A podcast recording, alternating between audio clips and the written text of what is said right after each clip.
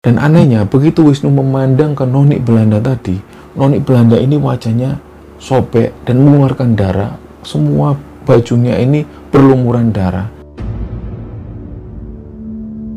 Semua orang yang dilihat tadi sorak-sorai, ternyata waktu itu sudah berkelimpangan menjadi mayat.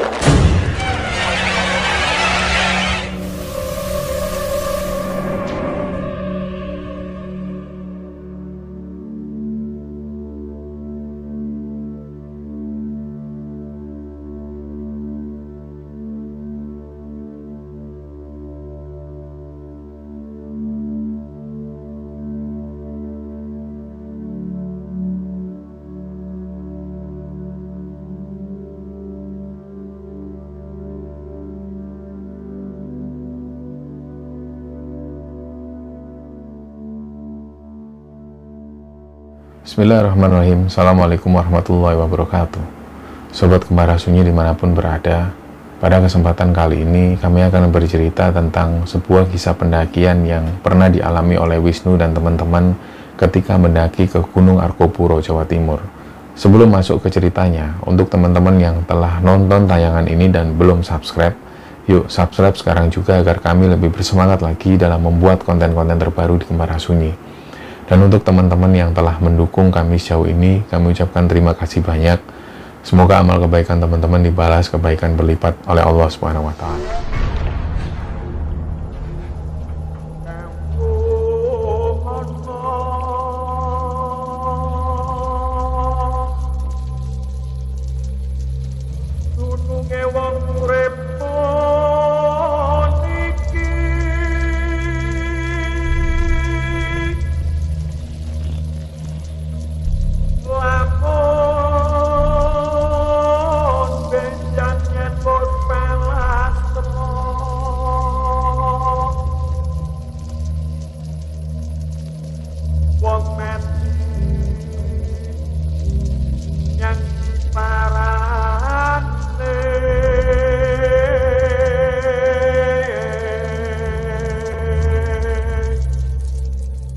Untuk cerita kali ini dikirim oleh sobat kembara yang bernama Wisnu. Wisnu sendiri berdomisili di Cianjur, Jawa Barat. Tapi kebetulan Wisnu ini adalah keturunan dari Bali. Jadi dia adalah darah asli Bali yang kebetulan berdomisili di Cianjur. Jadi ceritanya sebelum Wisnu ini memutuskan untuk naik ke Arkopuro, ada cerita di balik itu semua. Jadi awalnya di tahun 2019 itu Wisnu ini sebenarnya ingin sekali mendaki ke Gunung Semeru. Tapi ternyata pada saat itu di tahun 2019 itu yang Wisnu ingat waktu itu Semeru ini ditutup karena ada kebakaran hutan yang hebat di sana. Kita tahu bahwa ketika kemarau panjang atau kemarau yang lagi tinggi-tingginya, banyak sekali gunung-gunung ini yang terbakar dan kemudian mengakibatkan penutupan jalur. Nah, pada waktu itu Wisnu cerita, di tahun 2019 itu Semeru ini mengalami kebakaran hebat yang akhirnya Wisnu pun mengurungkan diri untuk naik ke Gunung Semeru. Tapi waktu itu karena Wisnu ini sudah pengen banget naik gunung, akhirnya dia pun cari informasi. Dia cari informasi gunung mana yang masih buka. Nah, ternyata ada satu teman Wisnu ini yang uh, buka satu open trip. Jadi dia punya open trip menuju ke Gunung Raung. Nah, tanpa pikir panjang, Wisnu pun memutuskan untuk ikut open trip ini karena dia berpikir yang penting naik gunung dulu ke Jawa Timur, terus dia ingin mengenal gunung di Jawa Timur selain Semeru lah. Akhirnya di hari yang ditentukan itu, Wisnu pun berangkat dari Cianjur, dia berangkat sendirian, dan begitu sampai di stasiun Senen, mereka ketemu dengan teman-teman yang lain. Dari situlah mereka kenalan dan langsung menuju ke stasiun Malang. Begitu sampai di Malang, sekitar jam 9 pagi itu, mereka nunggu kereta lagi yang menuju ke Banyuwangi. Sekitar jam 4 sore kereta ini pun datang dan mereka pun berangkat menuju ke Banyuwangi. Sekitar jam 11 malam mereka pun sampai di stasiun Banyuwangi dan langsung mereka memutuskan menuju ke basecamp Kalibaru. Sesampainya di basecamp karena suasana atau kondisi waktu itu capek. Wisnu mengaku bahwa keadaan di perjalanan itu benar-benar capek, akhirnya dia pun istirahat. Dan pagi harinya aktivitas seperti biasa, sarapan, mandi, dan langsung menuju pos. Nah, di pos ini ada briefing yang dilakukan oleh petugas sekitar kurang lebih 30 menitan dan setelah briefing itu pun mereka persiapan untuk mendaki. Kita tahu bahwa di beberapa base camp, terutama di Gunung Raung ini dan mungkin juga di beberapa gunung lainnya ada yang menyediakan jasa ojek. Nah, di situlah mereka naik ojek menuju ke titik terakhir pendakian. Begitu sampai di sana, mereka pun jalan dan singkat cerita pendakian ini lancar, nggak ada kendala satu apa pun. Sekitar jam 3 sore mereka sampai di pos 4 di Gunung Raung ini. Nah dari situlah mereka mulai mendirikan tenda dan sekitar sore hari mereka itu melihat pemandangan ada satu kepulan asap dari puncak. Nah cerita tentang Gunung Raung sendiri, Gunung Raung ini ada satu kaldera di tengah di atas puncaknya ini ada satu kaldera yang mempunyai kedalaman sekitar 500 meter ke dalam dan di pinggir-pinggir ini ada puncak-puncak kecil. Nah, di kaldera inilah yang sering mengeluarkan asap maupun percikan-percikan api. Nah, pada waktu itu ketika Wisnu dan teman-teman melihat ada kepulan asap itu, mereka nggak berpikir negatif. Jadi mereka tetap berpikir positif dan melanjutkan ngecamp di sana. Sehingga cerita, sekitar jam 9 malam mereka pun tidur, mereka istirahat di situ, dan sekitar tengah malam mereka ini dengar ada suara ribut di depan. Jadi ternyata begitu dicek, ada beberapa ranger ini yang sudah berusaha mengevakuasi pendaki yang ada di atas. Karena ternyata benar di atas ini mengalami gejolak dan kemudian para ranger ini mengevakuasi pendaki-pendaki yang ada di puncak itu untuk turun.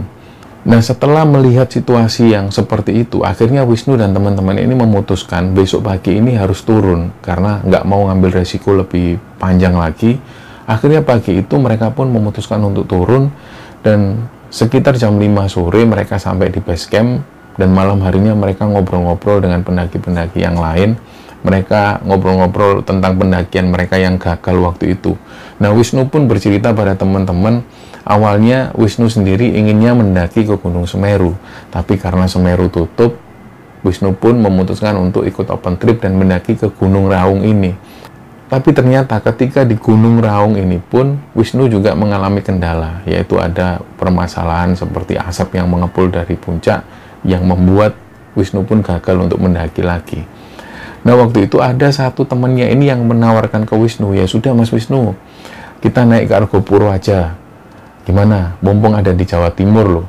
Nah Wisnu pun berpikir dalam hatinya ya juga ya mumpung ada di Jawa Timur jauh-jauh dari Cianjur ke sini sayang juga kalau nggak naik ke gunung yang ada di Jawa Timur. Akhirnya Wisnu pun memutuskan untuk ikut naik karena dua temannya Wisnu ini juga pengen naik ke Gunung Argopuro.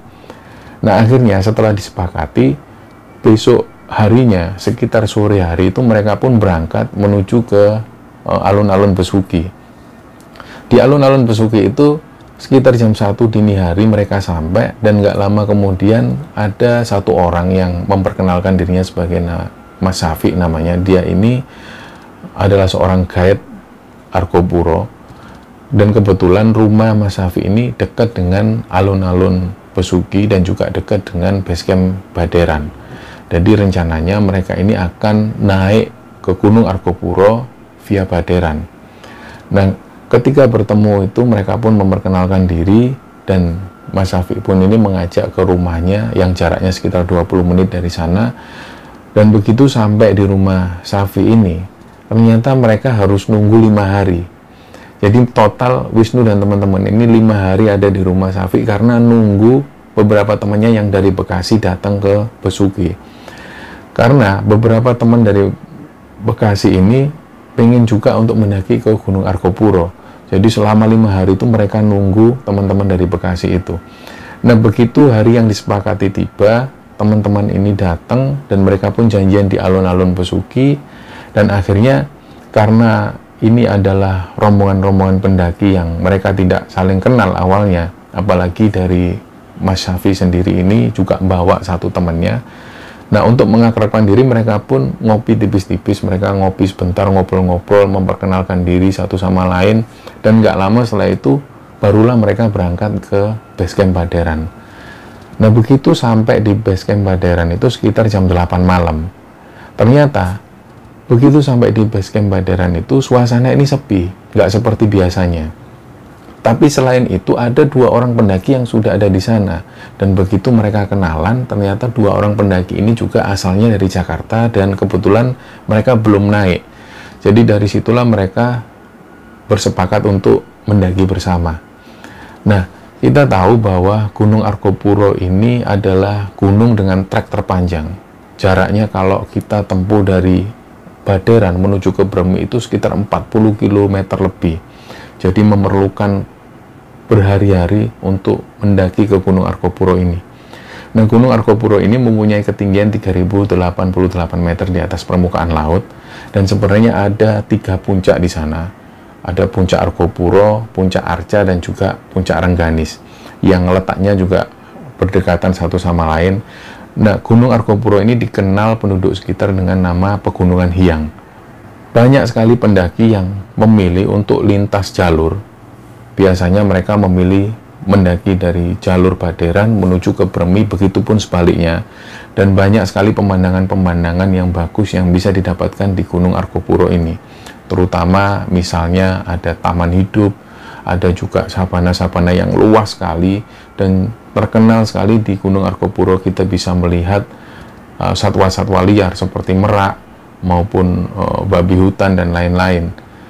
Nah, singkat cerita akhirnya Pagi itu mereka pun mengawali aktivitas dengan sarapan, mandi, dan ketika semua perlengkapan dicek, mereka pun berangkat.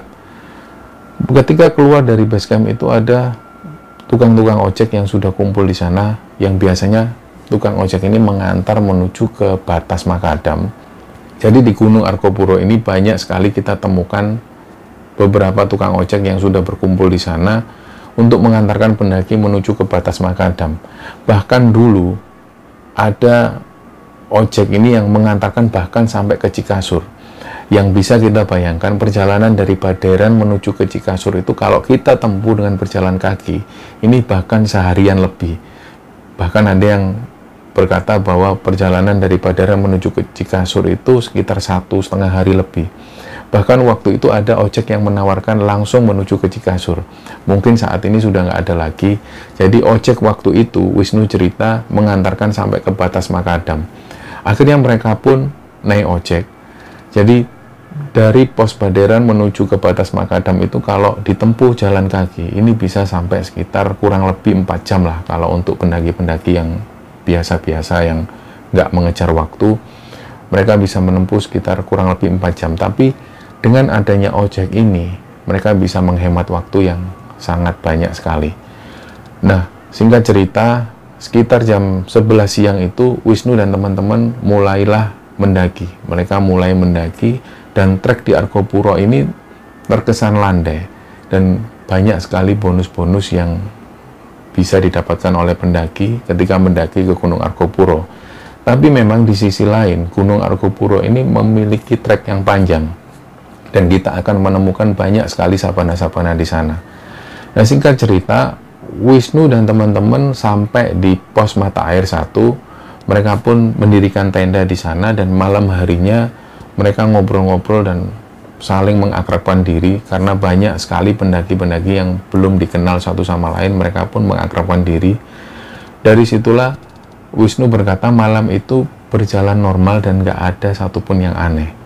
Nah pagi harinya mereka mengawali aktivitas dengan sarapan, mandi, dan lain-lain, dan target awal mereka akan menuju ke pos Cikasur. Nah, di Cikasur inilah adalah tempat favorit para pendaki yang mendaki ke Gunung Arkopuro. Kenapa? Karena ada sumber air di sana. Yang kedua, ada tanaman selada air yang bisa digunakan para pendaki untuk campuran makanan mereka. Dan di Cikasur ini juga pemandangannya benar-benar bagus. Jadi, uh, Cikasur ini adalah tempat favorit bagi para pendaki. Dan waktu itu Wisnu dan teman-teman ini memutuskan target perjalanan ini langsung menuju ke Cikasur. Singkat cerita, mereka pun berjalan dan melewati sabana-sabana yang begitu cantik. Sampai akhirnya jam 1 siang mereka sampai di Cikasur dan mereka istirahat sebentar di sana, ngopi-ngopi, foto dan gak lama kemudian ada uh, saran dari Mas Safi itu yang merupakan guide ini, waktu itu Mas Safi bilang uh, sebaiknya kita melanjutkan perjalanan supaya nggak ketemu malam, kita langsung menuju ke Cisentor. Nah akhirnya Wisnu dan teman-teman ini pun sepakat, ya sudah kalau gitu kita lanjutkan perjalanan. Akhirnya perjalanan pun dilanjutkan. Mereka pun melalui perjalanan dengan trek yang nggak terlalu menanjak, melintasi beberapa bukit, dan waktu itu Wisnu cerita uh, rombongan ini dibagi dua kelompok. Jadi kelompok pertama itu rombongan Wisnu dan kebetulan ada sekitar empat orang yang berjalan lebih dulu. Dan waktu itu Wisnu ini ada di uh, bagian terakhir. Jadi Wisnu ada di terakhir sendiri, dia pun jalan Mungkin waktu itu Wisnu ini juga merasa uh, dia sendiri sering berhenti, sering berhenti ngambil foto, ngambil video, bahkan istirahat sebentar. Nah waktu itu sekitar jam 5 sore, Wisnu ini nggak terasa, ternyata teman-temannya ini sudah meninggalkan Wisnu, dia pun sendirian di situ. Waktu itu Wisnu berhenti di satu persimpangan dan dia noleh kanan kiri, suasana itu sepi. Tiba-tiba suasana sepi, teman-temannya yang lain ini sudah menjauh, sementara rombongan yang di belakang belum juga sampai. Jadi nggak ada suara apa pun. Nah karena Wisnu itu mengambil inisiatif yang santai, dia nunggu rombongan yang lain yang ada di belakang. Akhirnya Wisnu pun nunggu di situ. Dia pun duduk sebentar dan mengeluarkan rokoknya. Dan waktu itu ketika Wisnu ini menyalakan api, korek ini tiba-tiba mati. Padahal sebelum-sebelumnya korek ini normal, nggak ada kendala apa pun. Tapi waktu itu korek ini nggak bisa nyala akhirnya Wisnu pun diam dia pun sempat mengambil gambar lagi waktu itu suasana sepi jam 5 sore dan gak lama kemudian Wisnu ini dengar dari belakang itu ada suara derap langkah kaki. Lah langkah kaki ini didengar Wisnu seperti rombongan pendaki.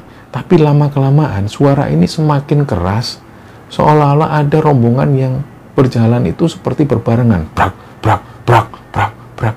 Nah Waktu itu karena Wisnu ini penasaran, dia pun berdiri, dia ngelihat karena di sekitarnya ini ada alang-alang yang ukurannya cukup tinggi, jadi nggak seberapa kelihatan. Tapi begitu Wisnu ini ngelihat ke belakang, suara ini pun menghilang. Dan nggak lama kemudian Wisnu pun duduk lagi, ada suara lagi yang datang. Kayak banyak sekali rombongan yang datang dengan suara derap langkah kaki seperti sepatu tentara yang pakai sepatu boot. Brak, brak, brak, brak, brak, brak, brak. Nah karena waktu itu Wisnu ini khawatir kalau dia menghalangi jalan orang-orang ini, akhirnya Wisnu ini minggir sedikit. Tapi ketika Wisnu ini minggir dan ngelihat lagi ke belakang, suara ini tiba-tiba hilang lagi. Nah, kejadian itu sekitar 4 sampai 5 kali terus seperti itu. Suara derap langkah kaki. Nah, Wisnu pun diam. Dan gak lama kemudian sekitar 30 menit berselang, teman-temannya ini datang, rombongan yang di belakang. Lalu waktu itu, Mas Evi ini yang guide itu sempat tanya, loh kok di sini Mas Wisnu Iya, tadi aku soalnya lagi foto-foto santai, ketinggalan teman-teman, makanya aku nunggu di sini. Oh ya sudahlah, ayo jalan yuk. Akhirnya Wisnu pun dengan rombongan yang belakang ini jalan, melanjutkan jalan. Mereka pun menuju ke Cisentor. Nah begitu sampai di Cisentor, mereka pun mendirikan tenda dan ngobrol-ngobrol, saling bercanda satu sama lain.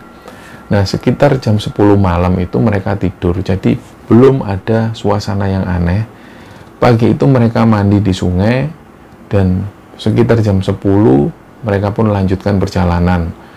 Nah perjalanan waktu itu normal, nggak ada satu keganjilan. Mereka melewati padang rumput dan juga ada padang edelweiss di sana dan sampailah mereka di Rawa Embe.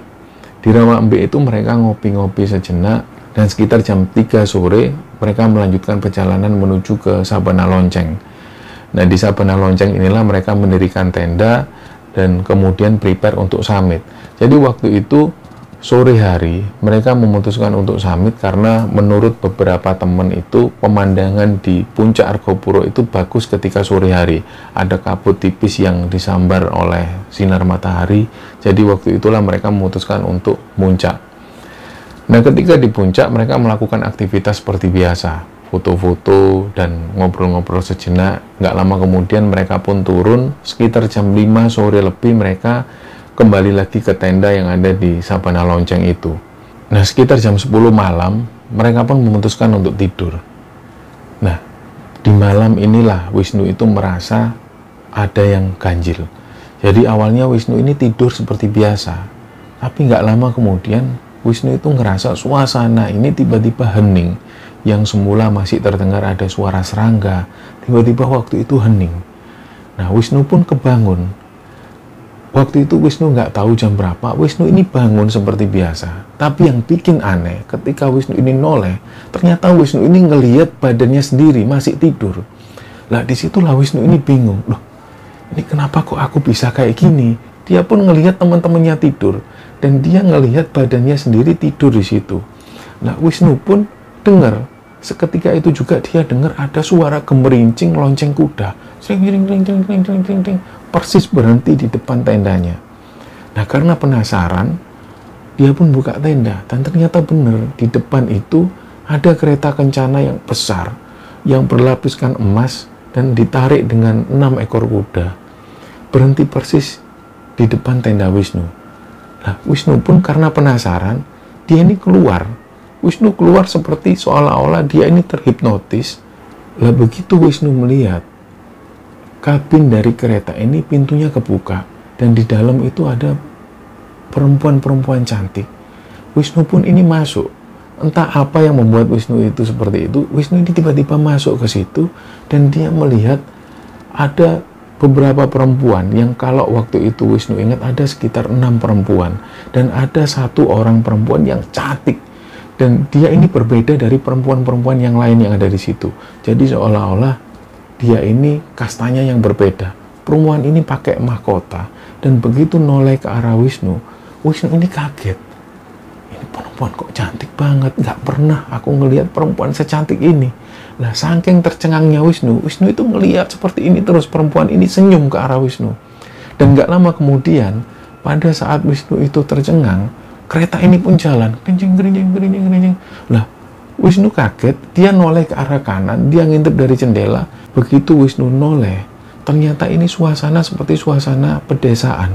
Jadi dilihat ada orang-orang yang bertani di pinggir jalan, ada juga orang yang beraktivitas seperti berjalan kaki. Dan nggak lama kemudian kereta kencana ini membawa masuk ke satu gapura. Wisnu itu ngelihat benar di gapura ini ada dua orang yang jaga di sana, pojok di sebelah kanan dan pojok di sebelah kiri. Tapi yang membuat Wisnu aneh, begitu mendekati pintu gerbang itu, Wisnu itu ngelihat dirinya sendiri di situ. Jadi yang jaga gerbang itu adalah Wisnu sendiri dan masih pakai baju seperti yang digunakan Wisnu ketika tidur di tenda. Lah, dia pun kaget. Loh, kok aku ada di situ?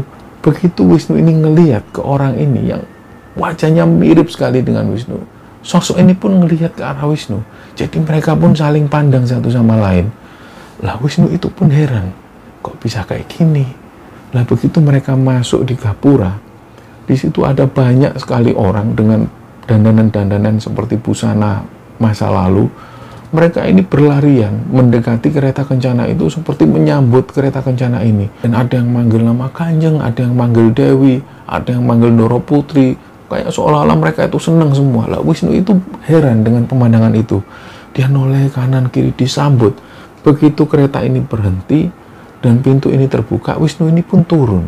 Disambut orang-orang Nah, Wisnu sekali lagi melihat oh, putri ini masih ada di dalam kereta dan nggak turun. Begitu Wisnu ini turun, Wisnu itu ngelihat ada keraton dengan ukuran yang besar. Dan yang bikin aneh, dari keraton ini keluar satu noni-noni Belanda. Dia ini perawakannya seperti orang Eropa pada umumnya. Dia pakai baju putih, long dress, keluar.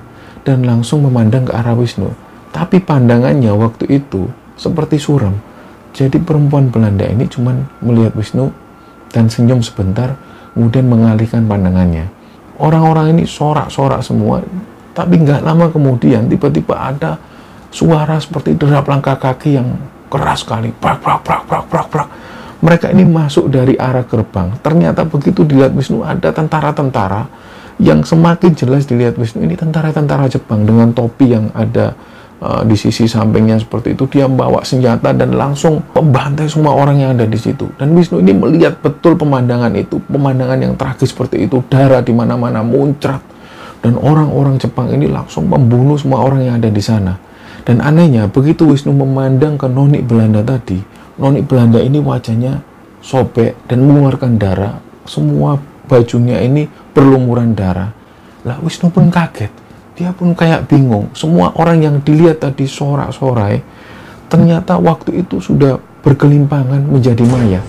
Dan gak lama kemudian mayat-mayat ini pun diseret, dimasukkan ke lubang oleh tentara-tentara Jepang itu dan dibakar waktu itu juga. Keraton-keraton ini semua terbakar. Nah Wisnu pun bingung, dia ngelihat ke arah belakang. Nah putri cantik yang ada di kereta kencana itu kayak manggil Wisnu untuk segera masuk. Wisnu pun masuk lagi ke kereta kencana. Begitu duduk, kereta pun jalan. Kereta jalan Wisnu ngelihat lagi perempuan-perempuan itu tenang, nggak ngomong apa pun dia diam, nggak ada satupun yang dibicarakan. Begitu kereta jalan, nggak seberapa lama kereta ini pun berhenti di depan sebuah candi. Wisnu pun turun dan di situ ada prajurit-prajurit dari kerajaan-kerajaan masa lalu. Ada dua orang prajurit yang mengawal Wisnu untuk masuk ke dalam.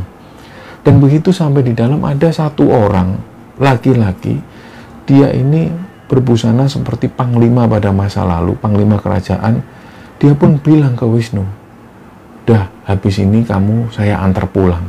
Tapi dengan bahasa yang dikenal oleh Wisnu. Bahasa ini nggak asing didengar oleh Wisnu. Bahasanya menurut Wisnu waktu itu seperti bahasa-bahasa masa lalu dan lebih terkesan uh, seperti bahasa Bali.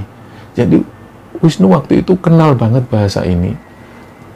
Orang ini bicara dengan bahasa Bali, tapi bahasa yang halus sekali yang Wisnu waktu itu mengerti sedikit tapi nggak paham terlalu banyak. Jadi intinya laki-laki ini ngomong ke Wisnu, kamu akan saya antar pulang. Dan nggak lama kemudian Wisnu ini pun diantar. Dia masuk ke satu pintu. Begitu Wisnu ini masuk, ternyata di situlah Wisnu ini sadar. Dia itu langsung bangun dan batuk-batuk. Dia sudah kembali di dalam tenda dengan kondisi yang batuk-batuk. Oh, oh. Seolah-olah dia itu haus kayak baru berjalan jauh banget. Dia pun cari minum, dia minum. Wisnu minum. Dan minum ini sampai dihabiskan oleh Wisnu, dilihat jam ternyata sudah jam 5 subuh. Nah, karena waktu itu Wisnu ngerasa badannya capek banget. Dia kayak seolah baru berjalan jauh banget, dia ngerasa capek dan akhirnya Wisnu melanjutkan tidur lagi. Nah, sekitar jam 8 pagi barulah Wisnu ini dibangunkan oleh salah satu temannya karena beberapa teman sudah mau muncak lagi ke puncak Rengganis akhirnya Wisnu pun bilang ke teman-temannya iya tunggu sebentar aku mau ikut ke puncak Rengganis nah Wisnu pun jalan begitu sampai di puncak Wisnu ini kaget karena ada puing-puing candi yang Wisnu itu kayak baru pernah melihat bangunan ini loh ini kayak bangunan yang pernah tak lihat tapi sudah bentuknya seperti puing-puing kita tahu bahwa di puncak Rengganis itu ada puing-puing candi yang berserakan dan ada satu uh, tempat seperti situs yang diklaim sebagai taman-taman di sebuah keraton. Nah, di tempat inilah dipercaya sebagai tempat Dewi Rengganis mendirikan keratonnya di Gunung Argopuro. Nah, waktu itu Wisnu ini nggak paham tentang itu. Yang Wisnu tahu, dia ini melihat bangunan-bangunan candi yang berserakan itu pernah dilihat Wisnu Nah, bangunan inilah yang dilihat Wisnu pada saat dia berkeliling diajak oleh satu putri cantik itu. Nah, setelah melihat itu, Wisnu pun turun kembali ke Sabana Lonceng. Mereka pun persiapan, dan waktu itu ada beberapa teman yang usul untuk langsung melanjutkan perjalanan menuju ke Taman Hidup. Lah, mereka pun jalan. Nah, waktu itu karena saking asiknya jalan, Wisnu ini jalan lebih dulu bersama satu orang temannya yang bernama Candy. Mereka berhenti di satu pos Cemoro Limo di situ Wisnu berhenti sejenak untuk sekedar ngerokok, ngobrol sambil nunggu rombongan yang lain. Nah karena rombongan yang lain ini belum juga sampai, Wisnu pun lanjut jalan dengan satu temannya ini. Nah dia pun jalan pelan dan selama perjalanan itu Wisnu mengaku kalau dia ini nggak ngobrol satupun dengan Candy ini. Dia jalan dan nggak ngobrol satupun. Begitu memasuki hutan lumut, Wisnu dan Candy itu merasa kalau suasana ini hening. Jadi nggak ada suara apa pun dan telinga mereka itu tiba-tiba berubah menjadi suara dan itu cukup mengganggu telinga Wisnu waktu itu. Nah karena situasi yang seperti itu, Wisnu pun bilang ke Candy, Ken, istirahat dulu Ken, ngerokok-ngerokok kayak. Tapi waktu itu yang bikin aneh, Candy ini bilang ke Wisnu, udah jangan di sini, jalan aja lagi, jalan. Nah, Wisnu pun jalan sama Candy. Suasana di hutan lumut ini gelap, tertutup lumut-lumut dan juga pepohonan dan suasana lembab. Mereka pun jalan. Dan nggak lama kemudian Wisnu ini dengar ada suara derap langkah kaki, seolah-olah ada yang mengikuti dari belakang. Begitu Wisnu noleh ternyata nggak ada siapa pun. Tapi suasana yang tadinya hening tiba-tiba berubah jadi riuh. Ada orang yang berjalan, ada orang yang berlari, dan Wisnu itu dengar banget kalau orang-orang yang berlarian ini menggunakan sepatu boot karena suaranya itu prak prak prak prak prak prak seperti berlari. Ada yang berjalan dari arah belakang. Lah, tapi waktu itu Wisnu ini nggak ngomong apa pun ke Candy temannya ini. Dia jalan. Dan nggak lama kemudian masih di hutan lumut itu, Wisnu sekali lagi bilang ke Candy, Ken, istirahat dulu Ken, minum dulu Ken. Lah, sekali lagi Candy bilang, jangan di sini, jangan di sini, lanjut jalan, lanjut jalan aja. Loh kenapa? Udah di taman hidup aja. Berhenti nggak apa-apa istirahat, tapi nggak usah pakai ngerokok, nggak usah lama-lama di sini. Terlihat banget kalau Candy waktu itu wajahnya pucat dan ada yang disembunyikan dari Candy. Tapi waktu itu Wisnu ngerasa, iya memang bener ada yang nggak beres. Ya sudah, lanjut jalan aja. Lanjutlah mereka jalan, nggak lama kemudian mereka uh, melihat hutan-hutan ini sudah mulai terbuka, pertanda bahwa mereka sudah sampai di taman hidup. Begitu mereka sampai di danau taman hidup, mereka pun ambil air, membuat kopi dan ngerokok di situ. Mereka pun baru bisa menikmati. Tapi mereka sama sekali nggak membicarakan tentang apa yang baru terjadi di hutan lumut itu. Mereka diam sambil nunggu rombongan yang lain datang. Sekitar 30 menit kemudian rombongan yang lain ini datang di taman hidup dan mereka pun bersepakat untuk melanjutkan perjalanan lagi menuju ke pos premi. Akhirnya mereka pun jalan dan sesampainya di pos premi itu mereka nggak mengalami kejadian apa pun dan begitu sampai di pos premi ada satu penjaga yang tanya ke rombongan uh, Wisnu ini dia tanya gimana ada kejadian apa di atas nah ternyata beberapa teman yang lain ini jawab oh nggak ada kejadian apa-apa cak oh ya sudah kalau gitu ternyata Wisnu ini sudah nggak bisa nahan dia harus ngomong dia pun ngomong cak Sebenarnya saya mengalami kejadian, Cak. Waktu di Sabana Lonceng itu, saya itu dijemput kereta kencana. Ceritalah Wisnu. Malam itu dia cerita kalau dia dijemput kereta kencana dan mengalami kejadian-kejadian seperti itu. Lah waktu itu, oh, penjaga yang ada di pos premi itu bilang, loh, beruntung sampean. Sampean baru ketemu Dewi Rengganis itu. Lah Wisnu pun bingung, Dewi Rengganis itu siapa? Ya panjang lah ceritanya Pokoknya orang-orang sekitar ini sering melihat penampakan Dewi Rengganis dan itu diklaim sebagai keberuntungan. Ya, anggap aja lah sampai beruntung mas ketemu Dewi Rengganis. Orangnya cantik, rambutnya panjang, pakai kebaya merah. Lah Wisnu heran loh. Iya bener mas, kayak gitu. Lah iya, itu bersama enam-enam danyangnya yang sampai lihat. Loh iya bener, ada beberapa perempuan-perempuan yang cantik, tapi yang satu ini beda banget. Dia ini lebih cantik dan aku tuh nggak pernah melihat perempuan secantik ini. Dia pakai mahkota. Yaitu itulah Dewi Rengganis. Dari situlah Wisnu ini diam. Ya sudahlah ini untuk pelajaran semua lah akhirnya setelah dari pos premi itu mereka pun langsung cepat-cepat menuju ke uh, terminal Probolinggo karena bis yang ada di sana ini hanya dua kali beroperasi mereka pun segera naik bis itu menuju ke Probolinggo dan dari sinilah mereka berpisah. Beberapa teman e, menuju ke Surabaya untuk melanjutkan perjalanan ke Jakarta. Sedangkan Wisnu, Candy, dan Mas Safi ini kembali ke Besuki menuju ke rumah Mas Safi untuk bermalam di sana sebentar. Begitu sampai di rumah Mas Safi itu, mereka ngopi-ngopi. Di sinilah Wisnu ini buka obrolan lagi. Dia cerita bahwa memang benar malam itu di Sabana Lonjong itu dia ketemu dengan Dewi Rengganis Nah di situlah Mas Evi ini cerita, ya Dewi Rengganis itu dipercaya banyak orang penghuni yang ada di sana. Bahkan dulunya Dewi Rengganis ini bangun satu keraton yang ada di puncak Gunung Argopuro itu. Sampai sekarang keberadaan Dewi Rengganis ini dipercaya masih bertempat di sana bersama keenam danyang-danyangnya. Nah di situlah Wisnu menjadikan ini satu cerita yang benar-benar nggak bisa dilupakan seumur hidupnya. Nah waktu itu Wisnu ini penasaran dengan Candy kan sebenarnya ketika di hutan lumut itu kenapa kok kamu nggak mau diajak istirahat? Nah di situlah Candy cerita, wah kamu nggak tahu loh. Waktu kita jalan di hutan lumut itu kanan kiriku itu aku ngelihat banyak sekali tentara Jepang. Begitu aku noleh kanan ada tentara Jepang yang nggak ada kepalanya. Dia cuma pakai seragam tentara dan semua bajunya itu berlumuran darah.